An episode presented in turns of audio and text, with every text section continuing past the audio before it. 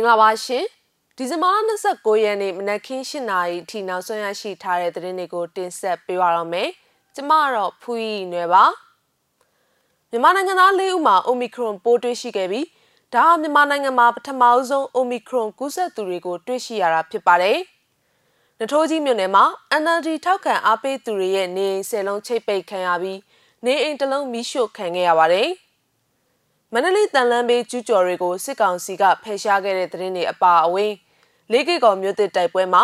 စစ်ကောင်စီတပ်ကခရီးရန်အလုံးမှုဆောင်ဆီယာမမိသားစုကိုလူသားတိုင်းပြုလုပ်ခဲ့တဲ့အကြောင်းကာယကံရှင်နဲ့အင်တာဗျူးမေးမြန်းချက်ကိုလည်းတင်ဆက်ပေးဖို့ရှိပါတယ်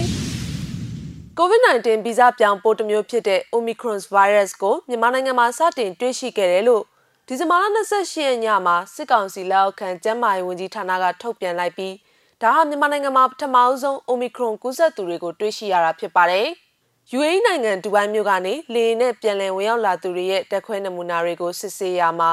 ဒီဇင်ဘာလ28ရက်နေ့မှာရရှိတဲ့အဖြစ်အရမြန်မာနိုင်ငံသား၄ဦးမှာ SARS-CoV-2 variant Omicron ရောဂါပိုးတွေ့ရှိရတယ်လို့ထုတ်ပြန်ထားပါတယ်။ဒါပြင်26ဦးမှာ SARS-CoV-2 variant Delta တွေ့ရှိရတယ်လို့လည်းပါရှိပါတယ်။ သူတို့၄ဦးအနက်တဦးသာလျင်တာမန်ယောဂလက္ခဏာတွေ့ရှိခဲ့ရတယ်လို့ဆိုပါတယ်။ကျန်သူတွေဟာယောဂလက္ခဏာမတွေ့ရှိခဲ့ရပဲကုသရေးစင်တာတွေမှာစောင့်ကြပ်ကြည့်ရှုပြီးတတ်မှတ်ရပြည့်မြောက်ပြီးတဲ့နောက်ကျန်းမာရေးကောင်းမွန်တာကြောင့်ကုသရေးစင်တာကနေဆင်းခွင့်ပြုခဲ့တယ်လို့ထုတ်ပြန်ချက်မှာပါရှိပါတယ်။မန္တလေးတိုင်းနထိုးကြီးမြို့နယ်ပန်းမင်တော်ကြေးရွာရှိ NLD ပါတီအမာခံထောက်ခံအားပေးသူဒေသခံတွေရဲ့နေအိမ်ဆယ်လုံးကိုကျန်းဖတ်စစ်ကောင်စီကချိတ်ပိတ်ခဲ့ပြီး နေအိမ်တစ်လုံးကိုမီးရှို့ဖျက်ဆီးခဲ့တယ်လို့ဒေသခံတွေထံကနေသိရပါဗျ။အဲ့ဒီနေအိမ်တွေကိုဒီဇင်ဘာလ28ရက်မနက်9နာရီဝန်းကျင်မှာနမစင်းအတိအကျနဲ့လာရောက်ချိတ်ပိတ်ခဲ့ပြီးတာမန်နေသားကန်ဖြစ်သူကိုတိုးရဲ့နေအိမ်ကိုလည်း PDF တွေနေထိုင်တဲ့အိမ်ဆိုပြီးမီးရှို့ဖျက်ဆီးခဲ့တာဖြစ်တယ်လို့သိရပါဗျ။ဒါပြင်ရွာထဲမှာတအိမ်တက်တအိမ်ဆင်းပြီးနေအိမ်15လုံးထက်မနည်းကအိမ်တွင်းပစ္စည်းတွေအပါအဝင်တမိုးကြီးပစ္စည်းတွေကိုဖောက်ထွင်းပြီး စစ်ကားရှစ်စီးနဲ့တမနက်တဲနှစ်ကြော့ပြန်တည်သွားတယ်လို့ဒေသခံတဦးကမေစီမာကိုပြောပါတယ်။မနက်ကအင်အား80လောက်နဲ့လာတာစီးရင်တွေကိုပြီးခဲ့တဲ့3လလောက်ကတည်သွားတဲ့ဒလန်ဝင်းမြေကမသေးခင်စီးရင်ပေးတိုင်သွားတဲ့အိမ်တွေပါ။အခုမှအဲ့ဒီစီးရင်နဲ့တော့နဲ့ချိတ်ပိတ်တာပြီးတော့အိမ်တွေကစံအိမ်စီပုံကချောက်တွေအပြင်ရွှေတွေစုထားတဲ့ပတ်စံတွေကိုပါအကုန်တည်သွားတာပါ။ရွာတဲ့သူတို့လာရင်ရှောင်ကြတော့ဒီနေ့တော့တယောက်မှဖမ်းမမိသွားဘူးလို့သူကပြောပါတယ်။ အင်ဂျီတရားကျော်ရှိတဲ့အဲ့ဒီပန်းမင်တော်ရွာကိုစစ်ကောင်စီတပ်ကဝင်ရောက်စီးနှင်အကြမ်းဖက်နေတာဟာ၅ချိန်မြောက်ရှိပြီဖြစ်ပြီးမကြသေးခင်ကရက်ပိုင်းအတွင်းကလည်းအင်ဂျီတရားကျော်ရှိတဲ့အဲ့ဒီပန်းမင်တော်ရွာကိုစစ်ကောင်စီတပ်ကဝင်ရောက်စီးနှင်အကြမ်းဖက်နေတာဟာ၅ချိန်မြောက်ရှိပြီဖြစ်ပြီးလူငယ်ခုနှစ်ဦးကို PDF အဖွဲ့ဝင်တွေဆိုပြီးဖမ်းဆီးသွားခဲ့ပြီးလက်ရှိအချိန်ထိပြန်မလွတ်ပေးသေးဘူးလို့ဒေသခံတွေကပြောပါရယ်မန္တလေးမြို့မှာမိရထားတန်လန်းဘေးကျူးကျော်တွေကိုစစ်ကောင်စီကအင်အားသုံးဖယ်ရှားရှင်းလင်းနေတာကြောင့် အခက်အခဲတွေဖြစ်နေကြရတယ်လို့နေအိမ်ဖြတ်ပေးနေရတဲ့ကျူးကျော်တွေကပြောပါတယ်။ဒီချိန်ဒီကာလကြီးခက်ခဲတာပေါ့ဗျာ။တချို့လည်းပြောင်းပြီးကုန်ပြီ။တချို့လည်းမပြောင်းနိုင်သေးဘူး။ရသလောက်ကုတ်ဖက်နေရင်ဒီနေ့တော့မရတော့ဘူး။ဘူဒိုဇာတွေနဲ့ပါလာရှင်းတော့ဖဲကြရတော့တာပေါ့။ထောင်ကားပါပါတယ်လို့မဟာအောင်မြင်မြို့နယ်မဟာမြိုင်ရက်ကွက်အရှိဘက်မန္တလေးလာရှုံမြစ်ထားလမ်းပိုင်းကျူးကျော်တွေဖယ်ရှားရှင်းလင်းခံရမှုနဲ့ပတ်သက်ပြီးကျူးကျော်နေထိုင်သူတူကပြောပါတယ်။ မြစ်ထားတန်လန်ဘေးကျူးကျော်တွေကိုစစ်ကောင်စီကဖယ်ရှားရှင်းလင်းစေခိုင်းတဲ့အထက်မှာအရင်ကရက်ကွက်အုပ်ချုပ်ရေးပိုင်းခွင့်ပြုချက်နဲ့ဆိုင်ကန်းဖွင့်လှစ်ထားတာတွေလည်းပါဝင်တယ်လို့သိရပါတယ်။ကျွန်တော်တို့ကကျူးဆိုပေမဲ့လည်းရက်ကွက်လူကြီးခွင့်ပြုချက်နဲ့ဆိုင်ဖွင့်ခဲ့တာပါ။အခုကအကုန်ဖြတ်ဟိဖြတ်ဟိဆိုတော့ဖြတ်ပေးရတာပါပဲ။မပြေလဲတဲ့ကာလကြီးမို့လို့လည်းအတနာခံလို့မရပါဘူး။အရင်ကဆင်းရဲပေမဲ့ဒုက္ခမရဘူး။အခုကတကယ်ကိုဆင်းရဲဒုက္ခဆိုတာကြီးနဲ့တွေ့ကြုံနေရတာလို့ မြစ်ထားပိုင်းမြေမှာဆိုင်ကန်းဖွင့်လှစ်ခဲ့သူတူကပြောပါရယ်မန္တလေးလာရှိုးမြစ်ထားလမ်းပိုင်းတလျှောက်မဟာအောင်မြေမြို့နယ်မဟာမြိုင်ရက်ကွက်နဲ့ရဲမွန်တောင်ရက်ကွက်တို့ကကျူးကျော်တွေကိုဆက်ရန်နေရတွေတုံးပြီးဖယ်ရှားရှင်းလင်းနေတာဖြစ်ပါတယ်ကရင်ပြည်နယ်လေးကစ်ကော်မြို့တင်မှာစစ်ကောင်စီတပ်နဲ့ကရင်လွတ်မြောက်ရေးတပ်မတော် KNL တို့တိုက်ပွဲပြင်းထန်စွာဖြစ်ပွားခဲ့တဲ့ဒီဇင်ဘာလ15ရက်မှာစစ်ကောင်စီတပ်ကခရီးရန်အလုံးမှုဆောင်ဆီယာမမိသားစုကိုလူသားတိုင်းပြုလုပ်ခဲ့တယ်လို့ကာယကံရှင်မိသားစုဝင်ကပြောပါတယ်။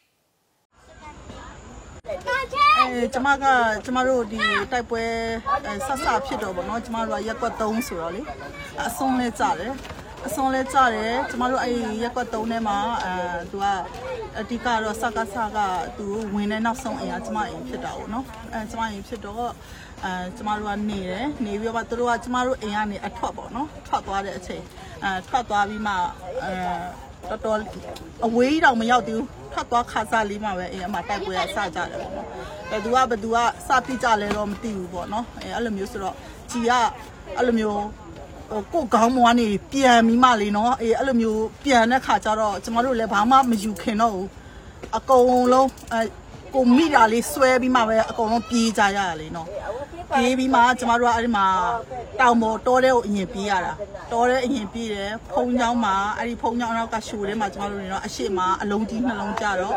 တစ်ခါကျမတို့ပြန်ထွက်ရတယ်အဲ့ဒီမှာနေလို့မလုံချုံဆိုပြန်ထွက်ပြန်ထွက်ပြီးမှကျမတို့အဲ့ဒီမှာပြန်လာတာပြန်လာတော့အပြည့်ရက်တဲ့အချိန်မှာလူတွေအဲရွာသားတွေထွက်လို့ရတယ်ဆိုတော့ကျမတို့ပြန်ပြေးထွက်တာပြန်ပြေးထွက်တော့အဲ့ဒီမှာလမ်းမှာရောက်တော့အဲကျမအမျိုးသားနဲ့အငယ်လေးနှစ်ယောက်ကအရင်စိုက်ကယ်နဲ့ပြေးသွားလိုက်တာကျမရဲ့ကျမသမီးအကြီးရဲ့က လမ်းလျှောက်ပြီးမှလိုက်တယ်လိုက်တော့လမ်းမှာအဲ့မှာစကားစကားအဲ့ဒီအဲအရာရှိလားဘာလားတော့မသိဘူးအဲ့ဒီတယောက်ကအာသူကသူ့လူနှစ်ယောက်ကထိထားတယ်ပေါ့နော်အဲကျမသမီးကို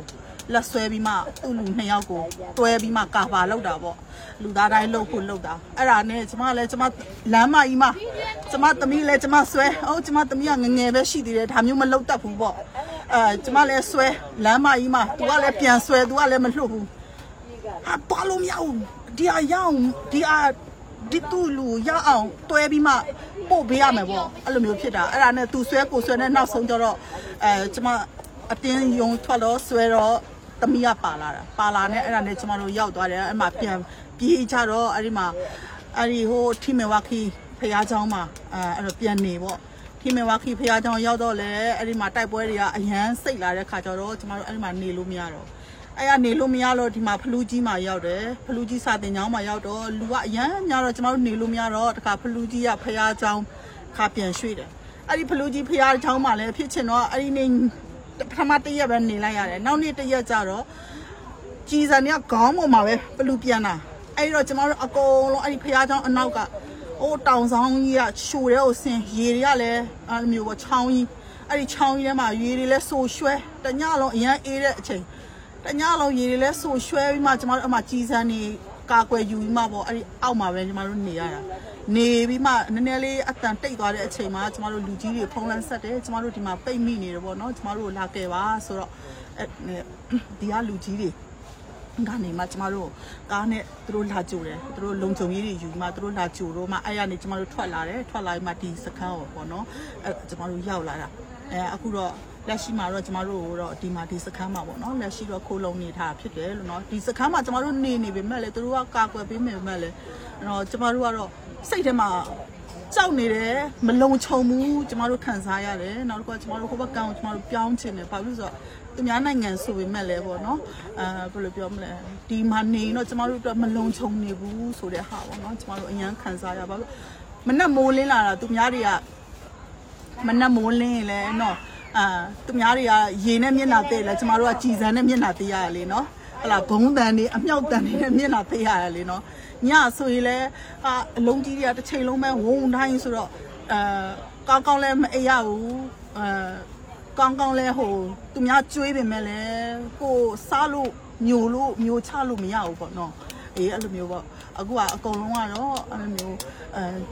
ကြောက်လန့်နေတာပေါ့နော်ထိတ်လန့်နေတာပေါ့နော်အဲအကုန်လုံးကတော့အဲဘေးလွတ်ရမှာအဲရောက်ချင်တယ်အဲကျမတို့စိတ်ထဲမှာမျှော်လင့်ထားတာက